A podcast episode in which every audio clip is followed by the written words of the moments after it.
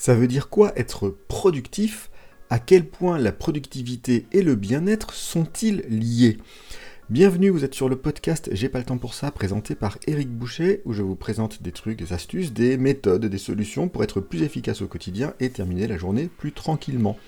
Tranquillement, ça va bien être le thème ici puisqu'on parle de bien-être.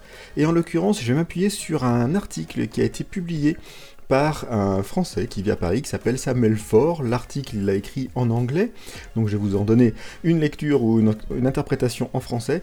Et ce qui est intéressant, c'est qu'effectivement, il va euh, compiler en fait euh, sa perception, donc ses conclusions personnelles dans son activité, il est développeur, euh, de comment combiner la productivité et le bien-être. Premier postulat dans son article, votre productivité est la conséquence directe de votre bien-être. On pourra en discuter si vous le souhaitez, mais effectivement, il y a un point important dans la facilité et la capacité qu'on va avoir à travailler.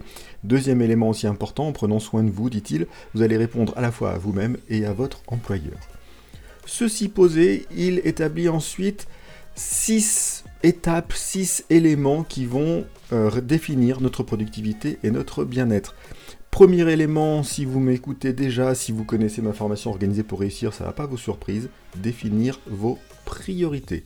Savoir où vous voulez aller, euh, sinon le reste va être plus compliqué. Deuxième étape, deuxième élément, votre hygiène de vie. Et dans hygiène de vie, il met un certain nombre de choses, exercice physique, sommeil, posture, alimentation et respect des rythmes circadiens. Troisième élément, troisième étape, votre concentration quelles méthodes, quels outils vous avez utilisés pour ça, que ce soit des écouteurs à réduction de bruit ou des casques de chantier pour certains, le choix de votre environnement de travail, ou en tout cas la capacité que vous avez à le choisir, la méthode Pomodoro, encore elle, l'utilisation ou non de stimulants, les stimulants simples et officiels type café ou autre, et également des choses simples du type quel écran vous avez, un écran large, deux écrans pour être plus efficace. Quatrième point, quatrième élément, faire de la place, nettoyer votre environnement, nettoyer votre tête et comme Samuel Faure est développeur, nettoyer votre code.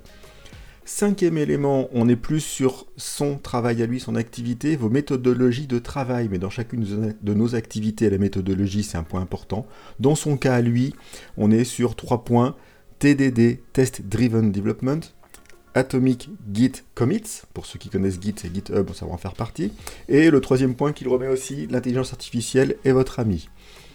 Et le sixième point par lequel il conclut son article, ne vous épuisez pas, respectez-vous. Et oui, ça va être important aussi, s'écouter et pouvoir euh, bah, adapter, choisir le moment où on va être les plus efficaces ou pas. Donc voilà sur son lien entre productivité et bien-être. Je vous encourage à aller lire l'article si vous le souhaitez en anglais, réécouter, euh, lire la transcription du mien aussi si vous voulez reprendre les six points tels qu'ils ont été définis.